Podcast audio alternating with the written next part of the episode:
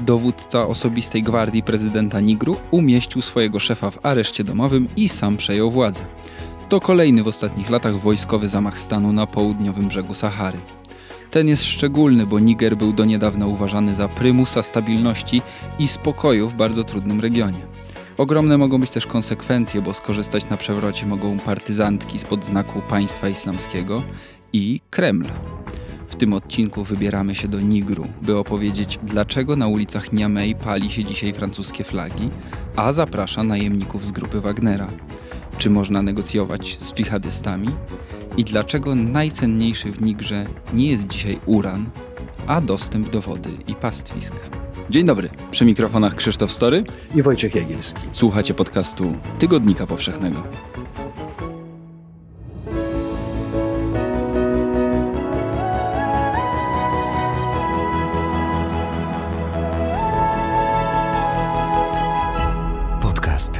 Powszechnego. Weź, słuchaj. Dzisiaj przenosimy się do Nigru, czyli zostajemy e, w regionie, w którym już poruszamy się od kilku odcinków, już trochę tych e, opowieści z tego pasa Afryki na południe od Sahary, czyli pasa Sahelu. E, mamy w podcaście. I to niestety nie są zbyt wesołe historie. Coraz mniej wesołe one się robią. I dzisiaj odwiedzimy Niger, gdzie dwa tygodnie temu, dokładnie kilkanaście minut po tym, jak wrzuciliśmy do sieci ostatni odcinek podcastu Jagielski Story, zaczęły dochodzić ze stolicy Nigru, z Niamey, niepokojące informacje o tym, że pałac prezydencki jest zabarykadowany przez wojsko, że prezydent został aresztowany. To się bardzo szybko potwierdziło e, już e, wieczorem, a w zasadzie w nocy 26 lipca. Wojskowi, którzy dokonali przewrotu, nadali swoje oświadczenie w państwowej telewizji, potwierdzili, że prezydent y, Mohamed Bazum przemywa w areszcie domowym. No i teraz pokrótce, ponieważ nie rozmawialiśmy o tym w podcaście, dlaczego do tego puczu doszło i co się przez te pierwsze dwa, trzy dni wydarzyło w Niamey? Rzeczywiście, rozmawiamy, to już kolejna nasza rozmowa o tym terytorium bardzo rozległym, e, o Sahelu i krajach położonych tuż po sąsiedzku Sahelu, co świadczy tylko o tym, że tam nie dzieje się dobrze. Zamachowcy, którzy odsunęli prezydenta Bazuma mm, od władzy, to generałowie z jego najbliższego otoczenia, w zasadzie dowódca, całą, całym tym puczem kierował dowódca gwardii prezydenckiej, który już dwukrotnie prezydenta Bazuma przed e, próbami zamachów uratował. E, a tym razem wystąpił przeciwko niemu, bo jak wie, wygłosi wieść gminna, e, prezydent zamierzał go zwolnić z pracy. Ja go przedstawię tylko z imienia Abdurrahman Omar Ciani. Dostał prezydent Bazum, e, który został wybrany na prezydenta w 2021 roku i był to pierwszy przypadek w historii Nigru, kiedy władza z rąk jednego demokratycznie wybranego prezydenta przeszła w ręce drugiego demokratycznie wybranego prezydenta. To jest w ogóle duża skala skala, bo Niger jest niepodległy od 63 lat. W 1960 przestał być zależny od Francji, więc dotychczas rozumiem, że przewroty wojskowe były naturalną metodą. Wyłącznie. Wyłącznie władza przechodziła z rąk do rąk wskutek zbrojnych przewrotów. Natomiast jeżeli poczyta się historię tego kraju, czy o nim, jak bardzo jest to twór sztuczny i słaby, podobnie zresztą jak większość tych państw niepodległych e, Sahelu, no to łatwo sobie wyobrazić, że to rzeczywiście jedyną sprawnie działającą instytucją jest to kilkutysięczne wojsko i, i ono ma naj, największą siłę sprawczą. Jeżeli chce interweniować, to interweniuje, podczas gdy nic innego nie jest w stanie się z nimi równać, ani żadne partie polityczne, ani instytucje państwowe. E, no ale do sporów między prezydentami a dowódcami gwardii przybocznych dochodzi e, często w rozmaitych krajach, nie tylko afrykańskich, i nawet jeżeli kończy się to przewrotami, to niekoniecznie ten przewrót trafia na czołówki e, światowych gazet, stacji telewizyjnych, portali internetowych, a tym razem tak się stało. E, o Nigrze mało kto cokolwiek wiedział, poza jakimiś wąskimi grupami pasjonatów, czy tych ludzi, którzy śledzą wydarzenia polityczne w Afryce, czy, czy, czy w świecie islamu. E, a nagle Niger stał się mm, obok Ukrainy, krajem wyjątkowo liczącym się na tej mapie świata polityczno-wojennej, wojskowej. Na mapie uwagi medialnej też. No więc właśnie z tego, z tego wyłącznie powodu, że e, do tego zamachu dostało, do, doszło w szczególnych okolicznościach, e, miejscu i czasie. E, zwłaszcza te okoliczności jakby nadały rozgłosu zamachowi w Nigrze, bo Niger jest w pasie Sahelu, rozciągającym się od Erytrei po, po, po Senegal, ale ten główny Sahel to są kraje Czad, Niger, Mali, Burkina Faso, więc Niger był takim ostatnim krajem, który Zachód traktował jako swojego oczywistego i miłego sprzymierzeńca w walce z dżihadystami, którzy rozponoszyli się na Sahelu już kilka ładnych lat i, i, coraz bardziej rozszerzają tą strefę wpływów. A po obaleniu prezydenta Bazuma, wojskowi, którzy przyjęli władzę, zaczęli słać przyjazne gesty wobec e, także wojskowych przywódców w Mali, w Burkina Faso, tuż po sąsiedzku, a także rosyjskich najemników z grupy Wagnera, których ci wojskowi w Mali, w Burkina Faso już do siebie zaprosili. zaczęto opowiadać, że e, no teraz to samo zrobi Niger, zaprosi Wagnerowców i w ten sposób cały Sahel przejdzie jakby, może nie pod panowanie, ale no, Pod wpływ Rosja stanie się takim głównym politycznym mecenasem już nie tylko Nigru. Ale wiesz co, do Rosji, do Rosji jeszcze dojdziemy w tej naszej rozmowie, bo to jest w ogóle e, zjawisko szersze niż tylko sam Niger, no bo przecież obok mamy Republikę Środkowoafrykańską, ale do tego dojdziemy. Na razie bym został w Nigrze.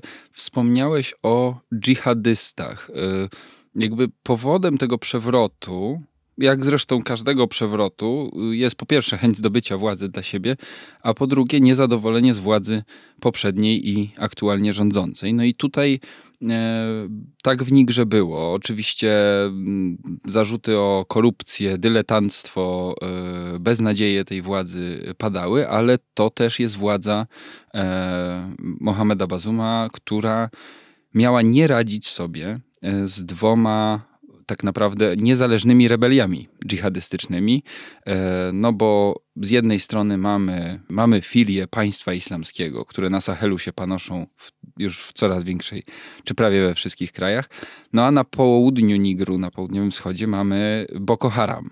Jak wygląda stan tej wojny, tej, tej rebelii? Czy to jest otwarta wojna dzisiaj, która się toczy w Nigrze między E, między dżihadystami a państwem? Czy to są lokalne potyczki? Jaka jest skala? No trudno mówić, mówiąc o powstaniu zbrojnym dżihadystów w Afryce, to nie ma nie, albo niewiele ma wspólnego, albo nic nie ma wspólnego z tym, e, co obserwowaliśmy choćby na Bliskim Wschodzie. To jest zbyt rozległe terytorium, żeby próbować nawet, albo żeby komuś nieprzytomnemu przyszło do głowy e, ogłosić jakiś wilajet y, na terytorium będącym kilkakrotnie większym od Afganistanu. Jak coś takiego kontrolować? Więc to raczej chodzi Zresztą o. to w większości jest pustynia. Chodzi więc... raczej o rząd dusz, o to, żeby e, odmówić e, prawa do. Od, od, odmówić przeciwnikowi prawa do tego, żeby on mógł e, występować w roli tego gospodarza. Więc podważenie roli instytucji państwowych, armii rządowych, to już jest wystarczające dla dżihadystów, żeby uważać siebie za wygranych w tej wojnie. Do potyczek zbrojnych, do żadnych wielkich bitew oczywiście nie dochodzi. Mm, to są zamachy, e, to są zasadzki przede wszystkim na wojskowe patrole, na posterunki gdzieś daleko rozrzucone, zwykle na takie, mm, co do których można mieć absolutną pewność, że odsiecz ze stolicy przyjdzie późno, albo zbyt późno, albo w ogóle nie dojedzie. Więc zwykle, kiedy na Sahelu dżihadyści atakują jakiś wysunięty posterunek wojskowy, to wybijają go w pień. Wtedy idzie w świat informacja, że zginęło 100 żołnierzy na przykład.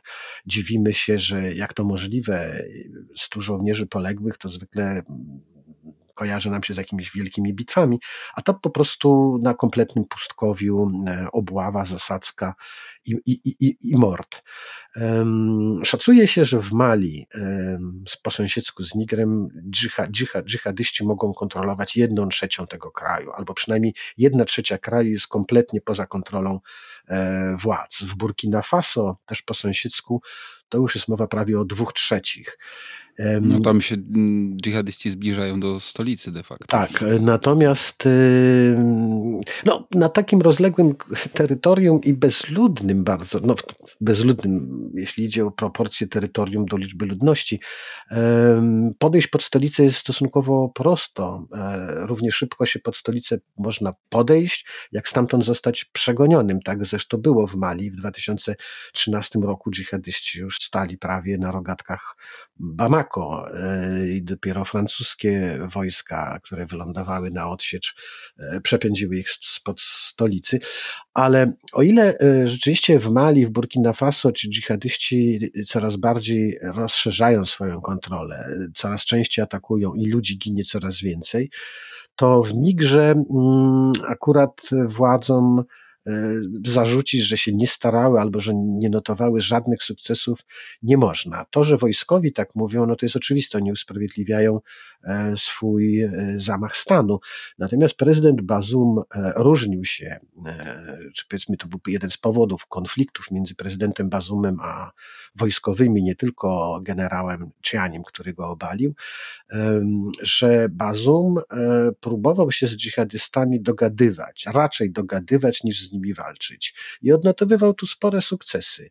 Um, przekonywał ich do jakichś ugód, lokalnych zawieszeń broni. On wypuszczał, no, wojskowi mieli pretensje, że oni polują, łapią, wsadzają do więzienia rozmaitych komendantów partyzanckich, a Bazum dogaduje się z nimi ich uwalnia.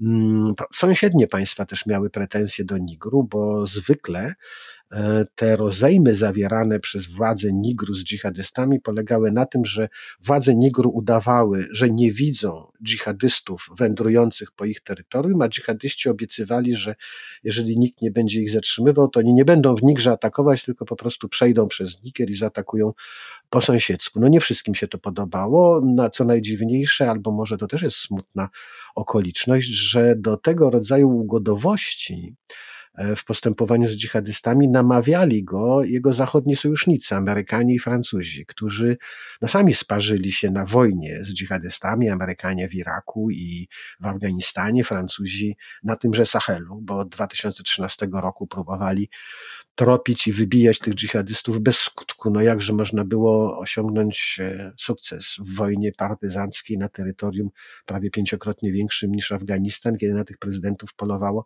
dwudziestokrotnie mniej żołnierzy niż w tym w Afganistanie. No, pięć tysięcy Francuzów na Sahelu, e, mhm. no to, to, to, to, no tak, w Mali to była bezskuteczna wojna do nich. E, no, a to nie tylko, że w Mali udało się, póki, to, to działało, póki wojna była skoncentrowana na jakimś jednym, stosunkowo niewielkim w porównaniu z resztą regionu terytorium, ale rozbici w Mali, ci dżihadyści zamiast skapitulować, wywiesić białą flagę i pójść po dobroci do więzienia, rozbiegli się po całym Sahelu i skrzyknęli w tych kryjówkach i e, przenieśli wojnę na cały, na cały region. Dziwni ci dżihadyści. Tak, prawda? Niger, Niger e, odnotowywał tutaj dosyć spore sukcesy, bo Wojny jako takiej w Nigrze mm, nie było. Dochodziło do zamachów, do tych e, zasadzek e, przy granicy z Mali, z Burkina Faso, ale przede wszystkim na posterunki wojskowe. Ludność cywilna jako taka, jeżeli cierpiała, to bardziej na brzegach jeziora Czad, tam gdzie działają ci partyzanci z nigeryjskiego ugrupowania Boko Haram, również e, Część przynajmniej z nich ogłosiła się filią państwa islamskiego, inni filią Al-Kaidy. E, to też jest rywalizacja tych już jakby bratobójcza między rozmaitymi filiami, ale, ale rzeczywiście to one mają coraz więcej e, do powiedzenia. Słabość prezydenta Bazuma i dlaczego jego tak łatwo, może, może łatwo to przesada, bo jeszcze wciąż on nie zrezygnował, nie podał się do dymisji, ale mm, jego problemem było to, że on nie miał w zasadzie żadnej bazy politycznej, e, nie, nie miał go kto bronić e, w Nigrze, dlatego że Prezydent Bazum jest Arabem. To jest pierwszy Arab, który został wyniesiony, do, na, stan, do, wyniesiony na stanowisko prezydenta kraju. Arabowie to garstka ludności w Nigrze, a ponad połowę sta, sta, stanowią e, Hausańczycy. Znaczną część sprzymierzeni zawsze, niemalże młodsi albo starsi, albo liczniejsi bracia Fulani.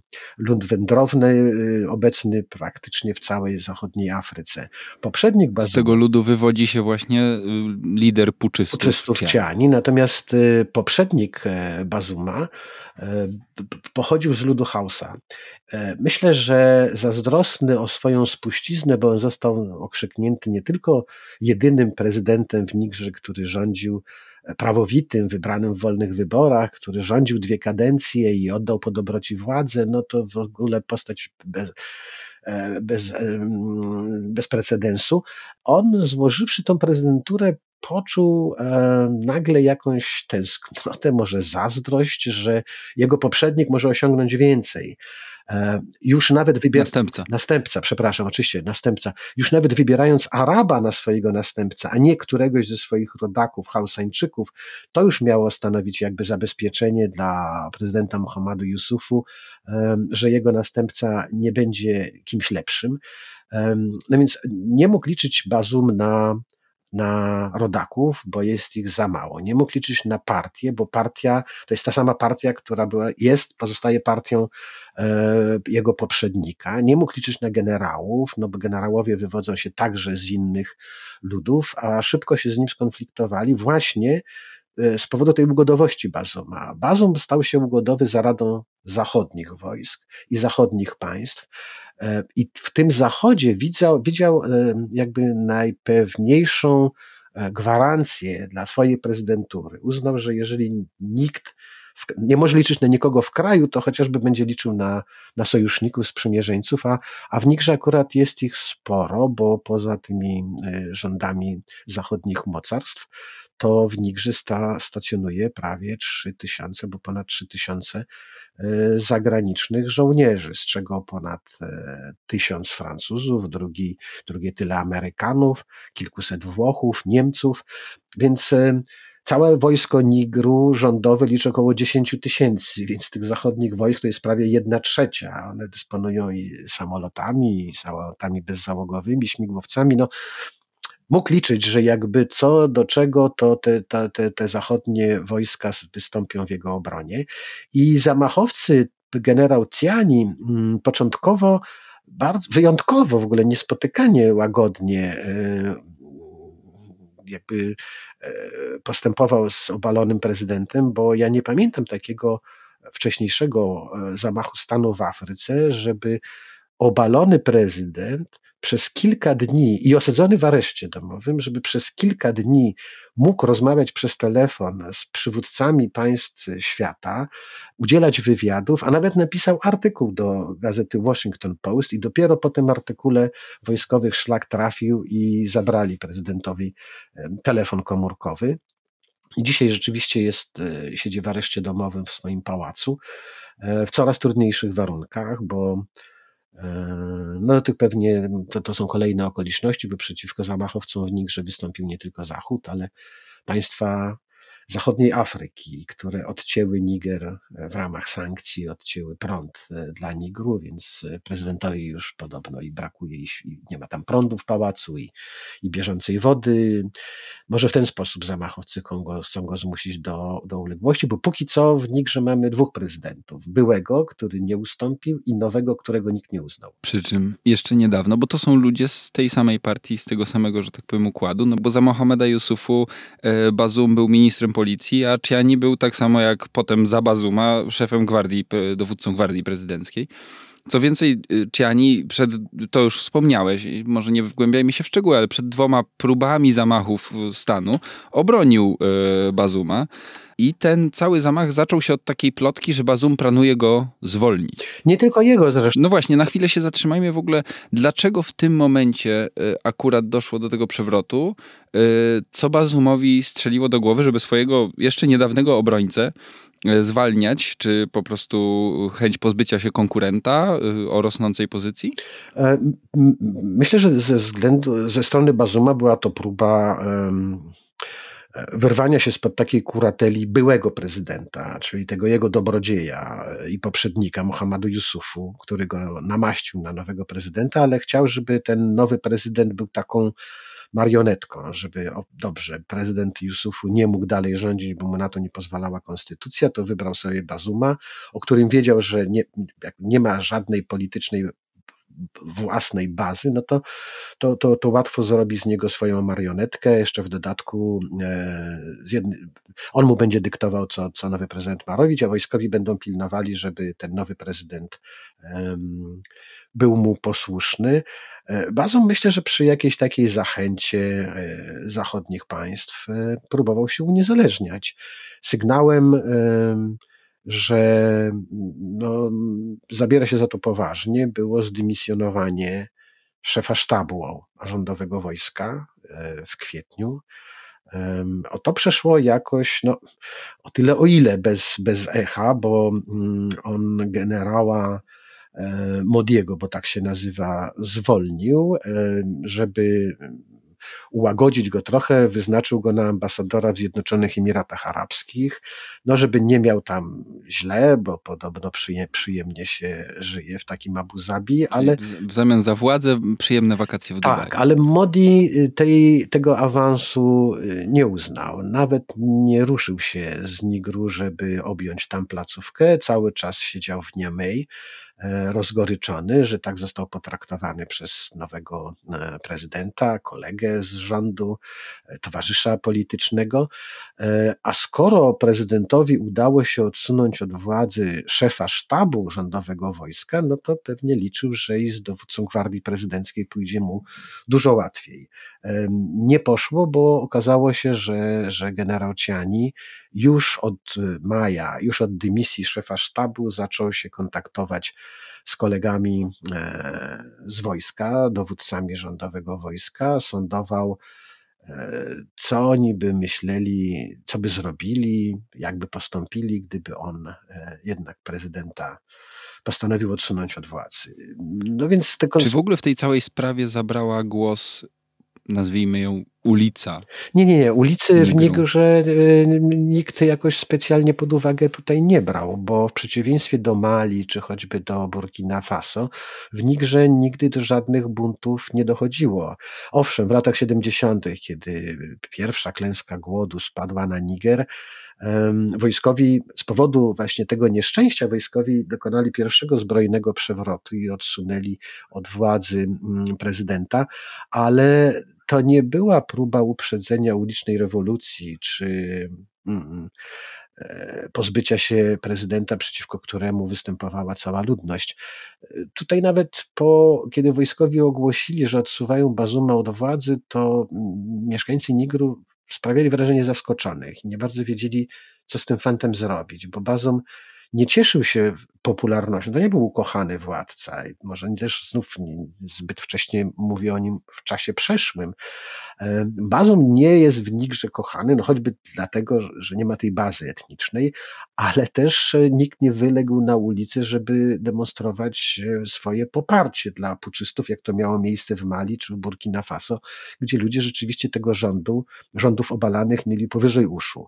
Więc Bazum nie był kochany, ale nikt też tak naprawdę nie występował przeciwko niemu. No ileż on narządził. Dwa lata temu objął władzę. To, to, to jeszcze nie zdążył ani zbyt wiele dobrego zrobić, ale z całą pewnością wyrządzić też nic złego. Dopiero kiedy e, Niger stanął wobec groźby czy niebezpieczeństwa lądowej inwazji ze strony wojsk zachodniej Afryki, kiedy... No właśnie, bo to chyba, chyba opowiedzmy od początku, bo to, że o Bazumie nie, nie do końca chcemy mówić w czasie przeszłym, to jest świadectwo tego, że są poważne y, siły zainteresowane tym, żeby tych puczystów odsunąć z powrotem od władzy i żeby przywrócić y, prezydenta Bazuma wyprowadzić go z tego aresztu domowego, oddać mu telefon i pozwolić pisać artykuły, nie tylko, ale też rządzić krajem. Mm, I to jest y, stowarzyszenie kilkunastu państw zachodniej Afryki. Można powiedzieć chyba, że pod przywództwem Nigerii, bo to jest to, to, to, to największa sąsiadka też Nigru. Ta koalicja państw afrykańskich dała puczystom ultimatum. Ultimatum, które minęło, zdaje się, w tą niedzielę, czyli 6 sierpnia żeby oni po prostu się wycofali. Dlaczego te państwa są zainteresowane powrotem Bazuma do władzy i jakie mają na to szanse, żeby to wymóc? Państwa Wspólnoty Gospodarczej Zachodniej Afryki, bo to, to jest takie stowarzyszenie ECOWAS. Rzeczywiście Nigeria e, przewodzi, dlatego że w sposób naturalny, jako kraj najliczniejszy, najludniejszy, najzamożniejszy, największy regionu samoistnie wybija się na rolę przywódcy, a dodatkowo przewodniczy tej wspólnocie, więc dlatego spotkania ministrów i przywódców będą się odbywać w Abudży, w nigeryjskiej stolicy. I główno, takim głównym rozgrywającym tego wszystkiego będzie nigeryjski prezydent Bola Tinubu. E, Afryka Zachodnia mm, w latach 70. i 80., w zasadzie od 60., e, stała się takim, takim centrum wszystkiego złego, co się działo w Afryce wojen domowych, etnicznych, religijnych konfliktów, a także e, tej plagi wojskowych zamachów stanu, które mm, z Afryki Zachodniej rozlały się, no nie na cały kontynent, ale właśnie w Afryce Zachodniej dochodziło głównie do tych przewrotów, wojskowych dyktatur i złodziejstwa później uprawianego przez e, przywódców w mundurach. W latach 90. Afryka Zachodnia zrobiła wielki wysiłek, żeby z, tą, z tymi czarnymi, smutnymi dekadami zerwać. Prezydent Tinubu jest jakby, może uchodzić za, za takiego mm, symbolicznego przywódcę, który e, przejął władzę w kraju rządzonym przez prawie ćwierć wieku przez wojskowych i Tinubu e, za czasów rządów wojskowych był dysydentem, był więźniem politycznym. Potem zrobił majątek i fantastyczną karierę polityczną, której zwieńczeniem jest e, prezydentura, ale nie tylko, nie tylko Nigeria i nie tylko Tinubu mają dosyć alergicznie reagują na te wojskowe przewroty. Tolerowanie przez państwa e, ECOWAS, czyli państwa zachodniej Afryki, zamachów stanu e, byłoby no, no, no klęską tego ugrupowania i tego rodzaju przywódców jak Tinubu byłaby to, to kompromitacja e, i, i, i tego ugrupowania, i tej myśli politycznej, która w Afryce w ostatnich latach głosiła, że wojskowe zamachy to jest czas przeszły i, i teraz nastąpił czas e, demokracji, która zapuszczając coraz głębiej korzenie, e, powinna nabierać takiego afrykańskiego sznytu i działać. I, I, takie zdarzenia jak w Nigrze, że wybrany prezydent przekazuje po dobroci władzę zgodnie z prawem następcy też wybranemu, y, nie będą już e, ewenementem. W Afryce Zachodniej w ostatnich latach, w ostatnich dwóch, trzech latach do tych wojskowych zamachów jednak e, zaczęło dochodzić coraz częściej. Jest Gwinea. to jest chyba siódmy czy dziewiąty? E, no to zależy jak liczyć. W Afryce Zachodniej doszło do zamachów stanu w Gwinei, dwukrotnie w Burkina Faso, dwukrotnie w Mali, czyli to jest pięć i szósty zamach e, w Nigrze, mm, więc sporo. E, Czad to już nie należy do tej wspólnoty zachodnioafrykańskiej, więc e, Czad nie powinien się liczyć, ale też jest to sąsiad Nigru. Więc wspólnota... No i jeszcze jak jesteśmy na Sahelu, no to jeszcze Sudan. No tak, ale to już zupełnie nie Afryka Zachodnia, a no tak, mówimy tak, tak, o tej, ale, o tej ale... wspólnocie ECOWAS, więc ta wspólnota ECOWAS miała do wyboru albo mm, udawać, że nic się nie stało, i no, no, no ośmieszać się przed światem, przed swoimi e, rodakami, e, albo e, zareagować. I postanowiła zareagować stanowczo, być może zbyt stanowczo, bo zamachowców w Gwinei, w Mali, w Burkina Faso do tej pory nie uznała za prawowite władze tych państw. Natomiast zawarła z nimi jakiś taki pokój, pod warunkiem, że tamci zamachowcy wyznaczyli konkretne kalendarze przywracania demokracji. Kiedy w jaki sposób będą się odbywać wybory. A w Nigrze zagrożono, no właśnie postawiono ultimatum. Kazano uwolnić prezydenta i przywrócić go do władzy, albo, albo e, właśnie nie wiadomo nawet co albo, bo z jednej strony mówi się o sankcjach, które już są wprowadzane, a z drugiej strony gdzieś e, szepcze się, że e, wojska, wspólnota zachodnioafrykańska po prostu wyśle do Nigru wojska, które spacyfikują zamachowców i siłą przywrócą prezydenta do władzy. Termin ultimatum minął w niedzielę. Mm, interwencji zbrojnej nie ma. E, w czwartek e, wspólnota ECOWAS wyznaczyła sobie kolejne spotkanie, na którym ma podjąć decyzję, jak zareagować na to, że ultimatum zostało zignorowane. Bo ultimatum zostało kompletnie zignorowane. Tak, no to więcej. Wojskowi nie tylko nie oddali władzy, nie tylko nie przywrócili y, Bazuma na stanowisko prezydenta, ale właśnie wyznaczyli swojego własnego premiera. Zamknęli ponownie niebo nad Nigrem, żeby broń Boże jakieś samoloty transportowe nie, nie nie, nie, nie wpadły na pomysł, żeby lądować w Niamey, żeby nie doszło do inwazji powietrznej, jeżeli już to tylko e, będzie mowa o lądowej. Wreszcie e, e no dosyć e, hardo sobie poczynają, bo zjechała do nich e, w ostatnich dniach zastępczyni szefa dyplomacji Stanów Zjednoczonych, pani Victoria Nuland, żeby rozmawiać e, z przywódcami tych zamachowców, ale także prosiła o umożliwienie jej spotkania z Bazumem. E, nie dostała zgody na spotkanie z Bazumem, a i generał Ciani też na, dla niej nie znalazł czasu. Przyznała po tych spotkaniach, że, że owszem, kilka godzin rozmawiała z innymi generałami, że przedstawiła im amerykańskie warunki, propozycje jakiejś tam ugody i gotowość pośrednictwa, i przede wszystkim ostrzegała, że co się stanie z Nigrem, jeżeli on w taki sposób e, niekonstytucyjny obecna władza dalej będzie postępowała. No ale mówi, że odniosła wrażenie, że, że w żaden sposób ani ich nie przestraszyła i że nie zmienili swojego zdania, że ani nie zamierzają ustąpić, ani inaczej rządzić. A to, no to by oznaczało tylko mm, jakąś eskalację y, konfliktu z rządzącymi w Nigrze Zachodu. A Zachód, a zwłaszcza Stany Zjednoczone, y, sprawiają wrażenie, że za wszelką cenę chcą tej konfrontacji uniknąć. Amerykanie na przykład jeszcze nie użyli, przedstawiciele władz amerykańskich nie nazwali tego, co się zdarzyło w Nigrze, zamachem stanu na przykład. E, cały czas podkreślają, że. Hmm, że jest to próba zamachu stanu, niekonstytucyjne działania, ale że dla nich prezydent Bazum nadal jest prawowitym prezydentem i nie przekreślają go jeszcze.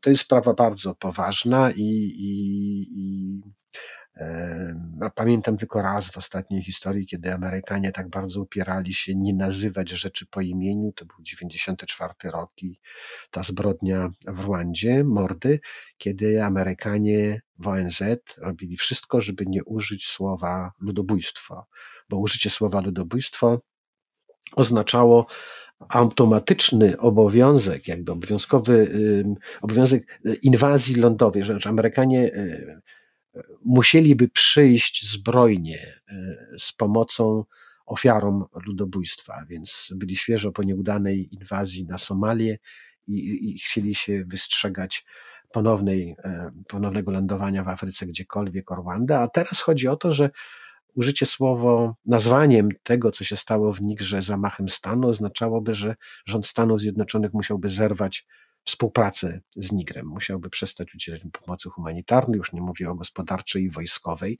zamknąć wojenne bazy, pewnie wycofać wojska.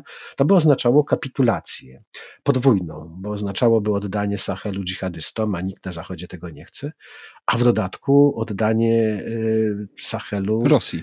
E, rosyjskim najemnikom albo Rosji, tak, bo, bo, bo nikt inny y, w tak e, trudny niebezpieczny region e, jakoś nie za bardzo ma ochotę się pakować. A powiedz mi, dlaczego w takim razie Zachód nie zdecydował się na pójście w zupełnie drugą stronę, to znaczy nazwanie tego zamachem stanu, e, poderwanie tych myśliwców, samolotów, dronów, żołnierzy, które tam mają na miejscu, bo w Nigrze stacjonuje półtora tysiąca Francuzów, ponad tysiąc Amerykanów i po prostu rozwiązanie tego mm, po swojemu. No, nie mogą tego zrobić po, po, po tych wszystkich nieudanych wyprawach wojennych e, Zła prasa. w XXI wieku. Nie, e, to byłoby przeciwskuteczne. No, no, no, no przegoniliby, znaczy to, co się dzieje w Sahelu, te zamachy stanu, e, te bunty uliczne w Mali i w Burkina Faso i to, że ludzie natychmiast jeżeli dzieje im się źle, dzieje im się krzywda, tak przynajmniej uważają, to zaraz krzyczą precz z Francją, precz z Francją. Pali się flagi francuskie. E, pali się flagi francuskie, atakuje się francuskie ambasady. To nie jest, oni na każdym kroku podkreślają ci uczestnicy tych demonstracji, pytani przez francuskich zagranicznych żołnierzy, że, że oni nie mają niczego przeciwko Francuzom, natomiast mają wiele przeciwko francuskim rządom. Nawet nie konkretnie obecnemu rządowi, ale przeciwko rządom Francji, tej postkolonialnej Francji, które rzeczywiście rzeczywiście y, Afrykę traktowała, tą niepodległą, której formalnie przyznała niepodległość, traktowała troszkę jako swoje takie lenno i, i, i uważała, że ma do tego prawo. To, i, taki bardzo, bardzo, bardzo protekcjonalne traktowanie tych krajów i, instrumentalne. I, tych skarg przeciwko Francji zbierało się wiele. No więc gdyby jeszcze dzisiaj francuscy żołnierze spadochroniarze francuscy, którzy dokonują inwazji na pałac prezydencki w Niamey. Przeganiają stamtąd gwardzistów Cianiego i osadzają z powrotem na tronie Bazuma i mówią Nigryjczykom, że oto jest wasz prezydent. Teraz padnijcie na kolana i bijcie nam i bądźcie nam wdzięczni, żeśmy wam przywrócili prezydenta.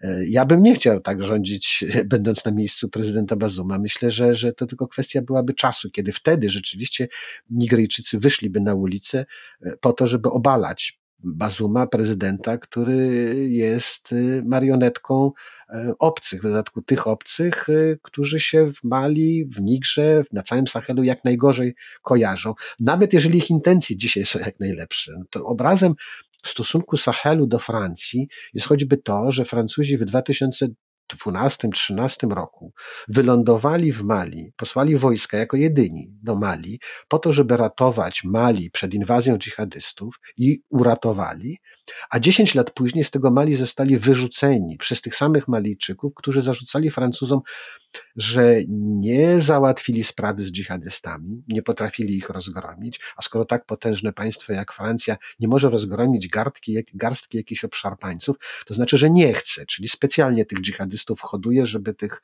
e, Afrykanów oni gnębili. I jeszcze w dodatku e, popierając demokrację, popierała wybranych demokratycznie przywódców, którzy okazywali się fatalni. Znaczy fatalni. Myślę, że w takiej sytuacji jak Niger, Mali czy Burkina Faso nie byłoby dobrego przywódcy. Każdy, nawet najlepszy, y, prędzej czy później tam by był przeklinany, dlatego że tych problemów e, jest tak wiele, że pewnie w zasadzie nie wiadomo za co się zabrać najpierw, a co za cokolwiek by się człowiek zabrał, to i tak wszystko zostanie zdominowane przez to, że te kraje przeradzają się z roku na rok e, coraz bardziej w pustynię, gdzie po prostu życie będzie za jakiś czas w ogóle niemożliwe. Ludzi przybywa w miejscach, gdzie życie przestaje być możliwe i to też jest jeden z powodów tego tego chaosu. No więc, ale wracając do tej Francji, no ta, ta, Francja nie mogłaby wynieść jakiegokolwiek przywódcy do władzy w Nigrze i francuskie czy amerykańskie samoloty, które miałyby tam terroryzować rządowe wojsko w Nigrze,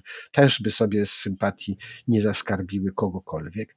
E, Zachód A nigeryjskie wojsko? Zachód i... wolałby, żeby tą, tą sprawę wzięła na siebie wspólnota zachodnioafrykańska. I wspólnota zachodnioafrykańska, przynajmniej część z tych krajów, aż przebiera nogami, żeby, żeby tak, żeby wkroczyć do Nigru żeby położyć kres tej pladze zamachów znowu, ukrócić to wszystko i żeby zacząć robić tam coś, co coraz bardziej zagraża tym krajom położonym już nad Zatoką Gwinejską.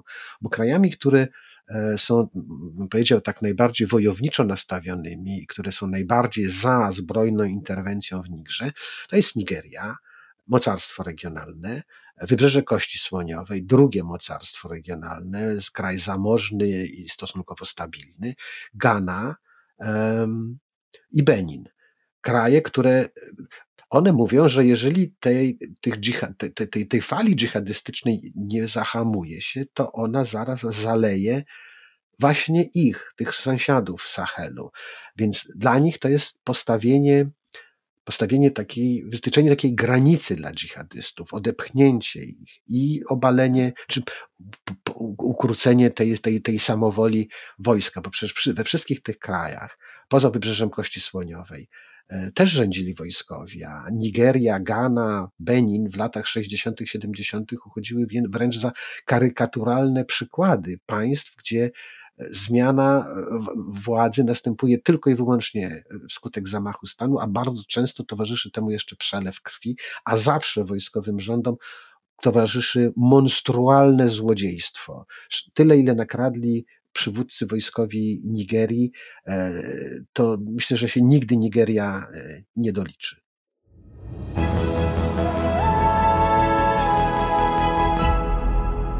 Kup Tygodnik Powszechny na stronie tygodnikpowszechny.pl i sprawdź swoją zniżkę z kodem podcast. Pytanie o to, czy będzie jakaś interwencja wojskowa w Nigrze, czy nie, to, to chyba nie rozstrzygniemy tutaj i nawet nie będę go zadawał. Natomiast y, ważne jest pytanie, bo wróćmy do Francji. E, bo tak, Francuzi z Mali zostali, jak już wspomniałeś, wygonieni. Teraz jest szansa, że zostaną wygonieni z Nigru, bo te same hasła w zasadzie pojawiają się, precz z Francją. Jakoś tak jest, że na miejsce tych Francuzów przyjeżdżają najemnicy z grupy Wagnera. E, zaprosiło ich Mali. Pytanie, czy zaprosi ich teraz Niger? No ponoć e, już zaprasza, że ten generał, były szef sztabu, odsunięty przez Bazuma wiosną od władzy, bardzo blisko współpracuje z generałem Cianim, tym przywódcą zamachu. Mówi się wręcz, że to generał Modi jest takim że to on rozdaje karty e, w tej nowej rozgrywce. Mm, jeździł do Mali, spotykał się z przywódcami tamtejszych wojskowych władz, a ponoć także z przedstawicielami tej grupy Wagnera. No ale mm, myślę, że grupa Wagnera ma też ograniczone możliwości.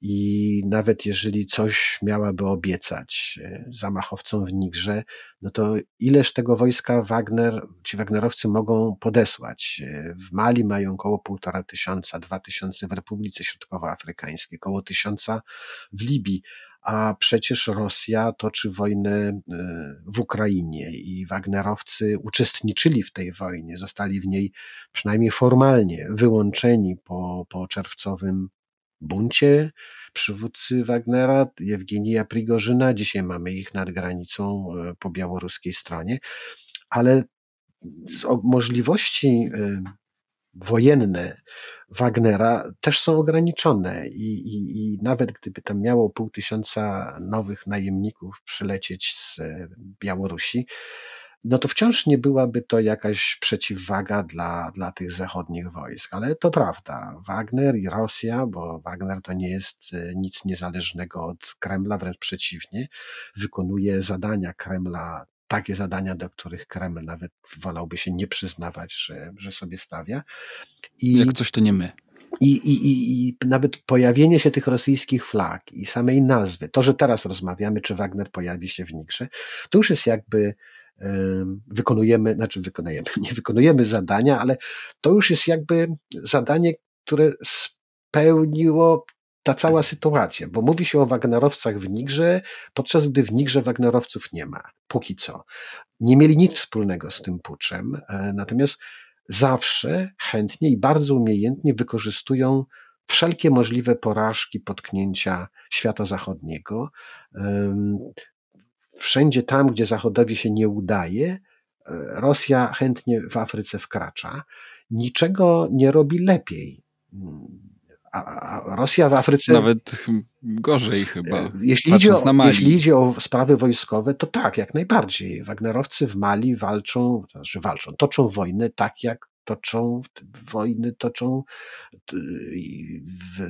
na Krymie, Donbasie w 2014 roku, dzisiaj na Ukrainie, wcześniej w Czeczenii, bo to są weterani przecież wcześniejszych wojen, e, toczą głównie e, terroryzując ludność cywilną. I liczba ofiar konfliktu w Mali e, gwałtownie zaczęła wzrastać, kiedy, odkąd pojawili się tam Wagnerowcy, bo oni zażądali dla siebie jak zwykle wolnej ręki, i zachęcili wojsko rządowe też do takiego samego postępowania, żeby nie tam się jakoś tam dogadywać, jak to próbował Bazum między jedną wioską a drugą, między jednym mułą a drugim, tylko po prostu pacyfikować te wioski, które jest nieposłuszne, terrorem, strachem zmuszać do, do, do poddaństwa. Więc e, wojskowo nie, nie odnoszą żadnych sukcesów. Odnoszą sukcesy propagandowe przede wszystkim, a także takie, tam gdzie lądują Wagnerowcy, pojawiają się przedstawiciele rosyjskich firm powiązanych z Wagnerem, albo przynajmniej powiązanych z Kremlem, które podpisują kontrakty na eksploatację miejscowych złóż. To są zwykle złoto, diamenty. A w przypadku Nigru uran jedne z najbogatszych złóż na świecie. No to byłaby wielka pokusa, e, bo, bo, bo gdyby rzeczywiście e, Wagnerowcy wylądowali w Nigrze i przejęli te złoża Nigru, które dziś należą głównie do przedsiębiorstw, których większość mają Francuzi, no to by jeszcze nie była katastrofa dla Francji, ale byłoby to symboliczne odcięcie Francji i zachodniej Europy od bardzo ważnego źródła surowców energetycznych, bo Europa przechodzi właśnie na, energetykę, na energetykę atomową, e, a tu proszę, to nie jest może, to jest jedna piąta e, surowców energetycznych, e, uranu, który, z którego korzysta Francja i Francuzi mówią, że poradzą sobie bez uranu z Nigru, raczej oni sobie poradzą niż Niger, który nie miałby komu tego uranu sprzedawać, bo przecież Rosja nie sądzę, żeby zaoferowała Nigrowi raptem korzystniejsze warunki handlowe.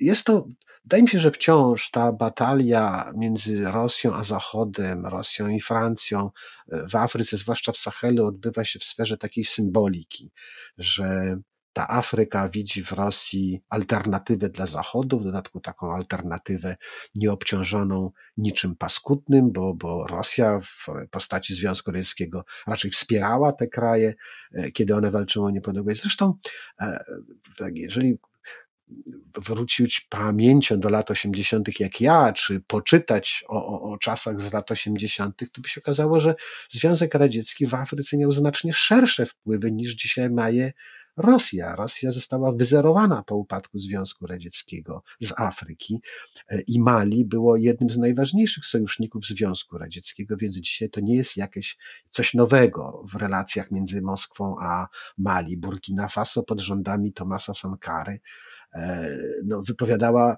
poddaństwo Francji i też szukała sojuszników, no właśnie e, na, na, na wschodzie. E, więc dzisiaj Rosja ma znakomicie mniej za, do zaoferowania Afryce niż Związek Radziecki w tych latach 80. No właśnie powiedziałeś wymiana handlowa w kontekście handlu uranem akurat między Nigrem a Francją. No ale to jest też tak, że ta Rosja poza tymi weteranami z Wagnera to niewiele więcej oferuje, bo nie oferuje ani wymiany handlowej, ani jakiejś pomocy humanitarnej. To wszystko przychodzi raczej z, raczej z zachodu. Mm, I ostatnio też nie oferuje przede wszystkim, czy wręcz przeszkadza w dostępie do jedzenia. Tu mówię o traktacie zbożowym i o tym, że Rosja z powrotem wycofała się z tego programu, na mocy którego jednak z Odessy wypływały statki ze zbożem do Afryki. Tak, to wszystko prawda. I, I ten fakt właśnie, że wojna, rosyjska wojna w Ukrainie jest e, najważniejszym powodem drożyzny na targowiskach, coraz bardziej do Afrykanów dociera. Właśnie pytanie, czemu oni widzą w Rosji dzisiaj jakiś, jakąś dobrą wróżbę? Nie widzą, znaczy nie, nie wydaje mi się, żeby, żeby znaczy z całą pewnością chcą się przynajmniej w, Sahelu, bo nie mówimy, mówimy tutaj o Sahelu, o tych trzech krajach, chcą się pozbyć Francuzów i tego wszystkiego, co im się z Francją źle kojarzy, te, te, te, tego bagażu neokolonialnego. E, Macron, prezydent Macron, obejmując prezydenturę, zapowiadał, że sam to wszystko zmieni. No więc albo nie zdążył, albo zabierał się za to zbyt wolno, może sądził, że ma więcej czasu, albo świat tak przyspieszył, że po prostu Afryka robi to, co obiecywał Macron, tylko robi sama. Wyrzuca Francuzów, których Macron chciał stamtąd zabrać, zostawić same przedsiębiorstwa. E, Rosję traktuje, na Rosję spogląda się Afryka jako na coś, co nie jest Francją jest taka alter Francja.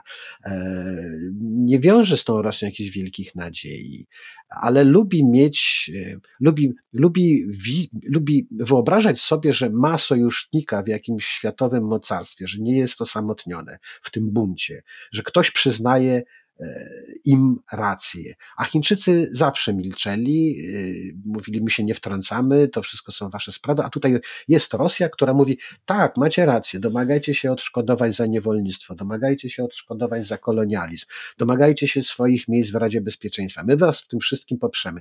Tylko Rosja popiera, e, póki sama jest w roli takiej opozycji do dominującego Zachodu, a, a kiedy, mam nadzieję, że ta sytuacja się nie, nie obróci tak, że to Rosja będzie głównym rozgrywającym, bo Rosja postępuje w Afryce w sposób klasycznie kolonialne, znaczy pojawiają się wojska, przedstawiciele, którzy kiedyś zakładali faktorie handlowe, a teraz przejmują złoża surowcowe, e, opanowują lotniska, nie budują żadnych portów, bo kto tam będzie teraz, z, z, gdyby to był jeszcze kraj z dostępem do morza, ale Rosja, do morza, ale Rosja e, wkracza do krajów najsłabszych, które mają najsłabszą infrastrukturę i są pozbawione zwykle dostępu do morza. Republika Środkowoafrykańska, Mali, Burkina Faso, więc zajmują lotniska i z tych lotnisk wywożą to, co tam jest najcenniejsze. Nie żadne produkty miejscowe, ani sami niczego tam nie sprowadzają. Wywożą złoto i diamenty, bo to jest. Przywożą jedynie broń w zasadzie. Tak, jeżeli mają na zbyciu broń, to przywożą broń po to, żeby zapewniać e, e, wyposażenie armii rządowej, czy chociażby tej gwardii przybocznej. A słuchaj, mam jeszcze ich... jedno, wiesz co, ważne pytanie chyba. Na ile ta działalność, bo to się zwykle w, w przypadku Rosji odbywa pod jakimś szyldem albo powiązaniem z tą grupą Wagnera. E, na ile ten czerwcowy bunt Jewgenija Prigorzyna zmienił coś w afrykańskiej działalności Wagnera, w tym jak grupa Wagnera tam broni interesów no, Kremla? Nic się nie zmieniło pod tym względem. E, kiedy ten bunt e, nastąpił i zaraz szybko wygasł, E, pojawiły się pogłoski albo nawet e, niepokoje, zwłaszcza w krajach, które Wagnerowców do siebie zaprosiły, że e, że no co to teraz będzie? Taki prezydent Środkowo, Republiki Środkowoafrykańskiej, który jest i dłużnikiem, ale i zakładnikiem tych Wagnerowców, bo, bo, bo no on miał największe powody, do, tak, naj, naj, największe powody do niepokoju, ale e, minister Ławrow i rosyjscy dyplomaci natychmiast ruszyli w świat i na Bliski Wschód i do Afryki, zapewniając tamtejszych przywódców, żeby się nie ma się czym martwić, że jak nie będzie e, ta grupa Wagnera, to będzie inna grupa, Mozarta, Bacha, Prokopiewa, jak zwał, tak zwał. Ktoś tam Grupę się... Mozarta jest u nas, to nie my, ich do tego nie mieszamy. Dobrze, no to, to nie, nie, żadnych informacji co do grupy Mozarta Zdolne chłopaki w Mali są. ani Burkina Faso nie było mowy. E, no w każdym razie e, zapewnił, zapewniał tych przywódców, że, że, że na pewno nie zostaną zostawieni y, sami i to było pierwsze jakby takie oczywiste przyznanie ze strony Kremla, że, że Wagner jest powiązany z Kremlem. Wagnerowców nie, od, nie, nie, nie ściągnięto ani z Afryki, ani z Bliskiego Wschodu. E, teraz tydzień temu, dwa tygodnie temu nastąpiła wymiana kilkuset żołnierzy w Republice Środkowoafrykańskiej, ale na miejsce jednych, którzy zjechali do, do, do, na Białoruś, zdaje się, przyjechali nowi, którzy, y, no, z, zmiana po prostu. A, a reszta jest wszystko po staremu. Jedyną nowym, co się pojawiło, to, to jest właśnie wydarzenia w Nigrze, które dla Rosji, sądzę, były, tak, było, były tak, takim samym zaskoczeniem jak dla wszystkich. E, a teraz Rosja, e, czy Wagner, Prigorzyna próbuje wyciągnąć z tego wszystkiego jak największe korzyści. Przede wszystkim propagandowe, bo myślę, że to o jakiej rozgrywce to się jakoś z pokerem kojarzy, że gdyby ktoś powiedział sprawdzam e, i rząd Nigru podpisał z Wagnerem porozumienie, że dobrze, wypowiadamy, już zresztą umowy wojskowe z Francją zostały wypowiedziane.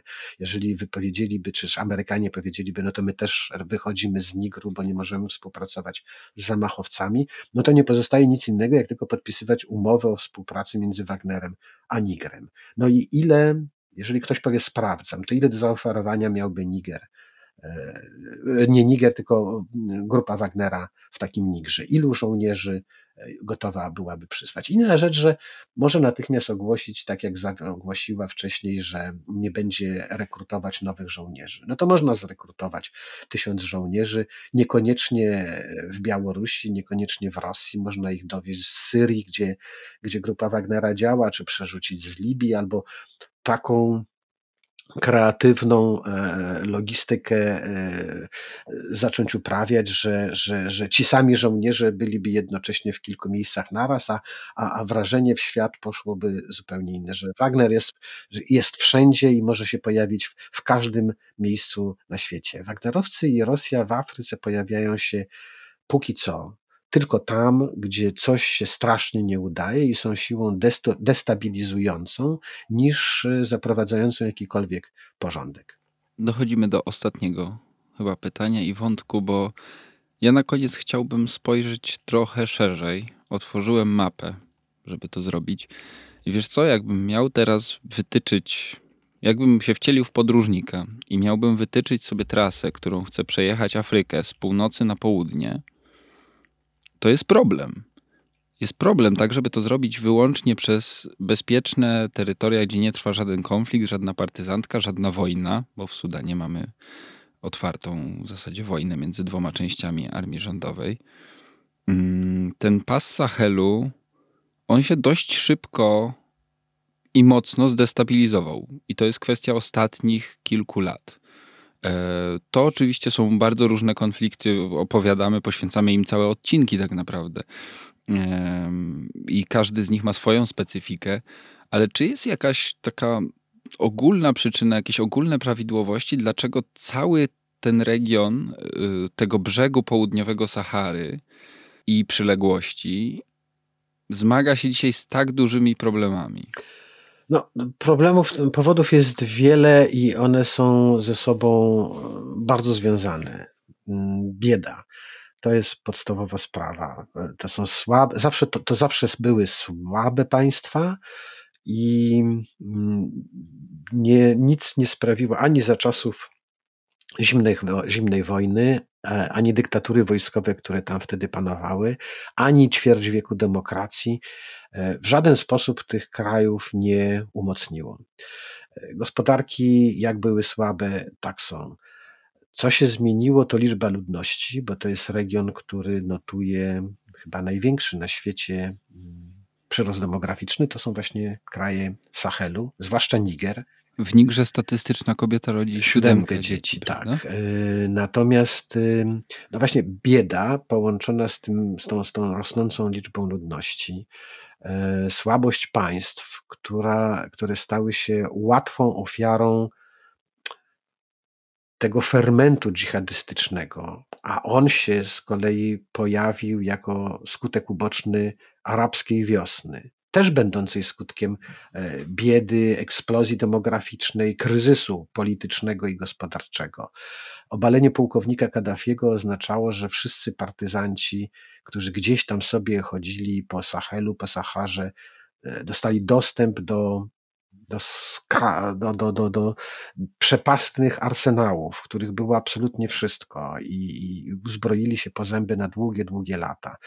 To nie przypadek, że właśnie działalność tych dżihadystów na Sahelu, na Saharze e, nastąpiła zaraz po wybuchu wojny domowej w Libii, upadku Muamara Kaddafiego i tym chaosie, który, który objął najpierw Libię, a stamtąd przeniósł się na południe i przelał się na południe Sahary. Zmiany klimatyczne, które sprawiają, że coraz większe połacie takich krajów jak Niger, Czad, Mali czy Burkina Faso, z sawan, z jakichś pastwisk, pól uprawnych stają się pustyniami, no, no z całą pewnością nie, nie, nie, nie ułatwia sytuacji, a raczej utrudnia życie ludziom. Sprawia, że e, migrują z tych wiosek, w których nie da się żyć, do miast. W miastach, które pęcznieją, no, w oczach też nie, nie, nie, nie wszyscy sobie radzą i nie, nie znajdują te lepsze życie. E, skurczenie się pastwisk i pól oprawnych, czy e, coraz mniej wody mm, sprawia, że konflikty, dochodzi do konfliktów między ludami pasterskimi i, i, i rolniczymi, które e, no, zawsze w jakiś sposób ze sobą rywalizowały, ale to nie były wojny toczone między rolnikami a, a pasterzami. A w Sahelu te konflikty o, o, o wodę, o ziemię e, przeradzają się w konflikty etniczne, w konflikty religijne. E, dżihadyści bardzo na tym żerują, bo fulani, pasterze fulani, którzy wędrowali przez Afrykę Zachodnią od wieków, e, od wieków byli w nieprzyjaźni z rolnikami, no bo przez ich pola przeganiali swoje stada. E, natomiast dzisiaj przeganiani przez te ludy osiadłe, stali się mm, takim największym dostarczycielem rekruta dla tych wszystkich ugrupowań dżihadystycznych, partyzanckich, bo dżihadyści e, wzięli na siebie, czy uzurpowali sobie rolę obrońców fulanich. Oni mówią, my was obronimy, skoro sami się nie, sobie nie radzicie. Więc dochodzi do takich lokalnych przymierzy. Dżihadyści występują w obronie pasterzy atakowanych przez rolników. E, I to jest właśnie to, co Bazum próbował dogadywać się tak już na takim e, podstawowym poziomie. Nie rozmawiajmy o dżihadystach, socjalistach, komunistach, faszystach, tylko dogadujmy się. Rozmawiajmy o pastwiskach rozmawiajmy i wodzie. o pastwiskach i wodzie. Tak, i, i to próbował robić Bazum, zachęcany przez Zachód, który po swoich przykrych doświadczeniach w Iraku i w, i w Afganistanie też chyba zrozumiał, że sąsiedzka zgoda jest chyba najlepszym zabezpieczeniem przed takimi fanatyzmami, które są zjawiskiem niezwykle niepokojącym i zagrażającym nie tylko stabilizacji takiego regionu jak Sahel, tylko niestabilny Sahel, biedny, wstrząsany wojnami, wojskowymi dyktatorami, jakimiś najemnikami, oznacza, że ludzie, że tam życie stanie się jeszcze gorsze, jeszcze mniej możliwe, i ludzie zaczną stamtąd uciekać, a uciekali zawsze, bo to, czy, czy, jaką ofertę ma Rosja wobec Afryki. Co roku są przeprowadzone sondaże wśród Afrykanów, e, ilu z nich by wyjechało, a ilu by zostało u siebie w kraju, którzy by szukali nowego domu na afrykańskim kontynencie, a którzy by raczej wyjeżdżali w ogóle het w świat. Nigdy Nigdy się nie zdarzyło, żeby Afrykanie masowo wybierali Rosję, czy w ogóle Europę Wschodnią jako swój wymarzony kierunek wędrówki i tam chcieliby rozpoczynać swoje nowe życie. Mogą nienawidzieć Franc, francuskiego rządu, ale najbliżej im do Francji i naj, naj, naj, najchętniej oczywiście by wyjeżdżali do Stanów Zjednoczonych, do Skandynawii, do Kanady, do Niemiec, ale, ale, ale Europa Zachodnia jest głównym kierunkiem, zwłaszcza z takiego bezpośredniego sąsiedztwa, jakim jest jakim jest Sahel. Niger to też był kraj, był, może nie będzie jeszcze znów czas przeszły, niepotrzebny, ale Niger pod rządami prezydenta Bazuma, a wcześniej prezydenta Yusufu, był jednym z najważniejszych strażników Unii Europejskiej i Europy. Strażników, którzy mieli zatrzymywać tych wędrujących migrantów jeszcze przed Saharą, pilnować, żeby Miliardy dolarów Unia Europejska tak, za to płaci. No więc y, to jest też ta gra, z którą będzie musiała sobie uporać Europa, e, Zachód. Czy pogodzić się z tym, że w Nigrze będzie rządził generał czy pułkownik, który przejął władzę w niekonstytucyjny sposób, czy też wystąpić przeciwko niemu, bronić pryncypiów e, i ryzykować, że on się sprzymierzy z Rosją i nie będzie pilnował tych szlaków wędrownych, raczej stanie i będzie pokazywał do Lyonu na lewo, Marsylia prosto, tyle i tyle kilometrów. W Czadzie po sąsiedzku z Nigrem e, rządzi wojskowy dyktator, który władzę przejął w sposób niekonstytucyjny. Zachód się nie obnosi z takim sprzymierzeńcem. Ale kto wie, czy to się nie zmieni, jeżeli on będzie ostatnim sprzymierzeńcem Zachodu e, na zachodzie, na Sahelu. Cieszę się, że na koniec udało nam się tak troszkę szerzej spojrzeć, bo, bo to są rzeczy, które poruszamy w wielu odcinkach, naprawdę. Te historie Mali, Nigru, Sudanu, Czadu zawierają bardzo dużo części wspólnych. E, dużo jest tam właśnie tych wątków klimatycznych, dostępu do zasobów, e, migracji. Mam nadzieję, że to Wam też troszkę rozjaśniło i wytłumaczyło te realia. A w dzisiejszym odcinku to już wszystko. E, sytuację w Nigrze obserwujemy cały czas. W najnowszym numerze dostępnym od 9 sierpnia jest też w wydaniu papierowym i na stronie internetowej e, tekst Wojtka o Nigrze. Polecam lekturę, a my się już dzisiaj będziemy żegnać. Przy mikrofonach Krzysztof Story i Wojciech Jagielski. Do usłyszenia.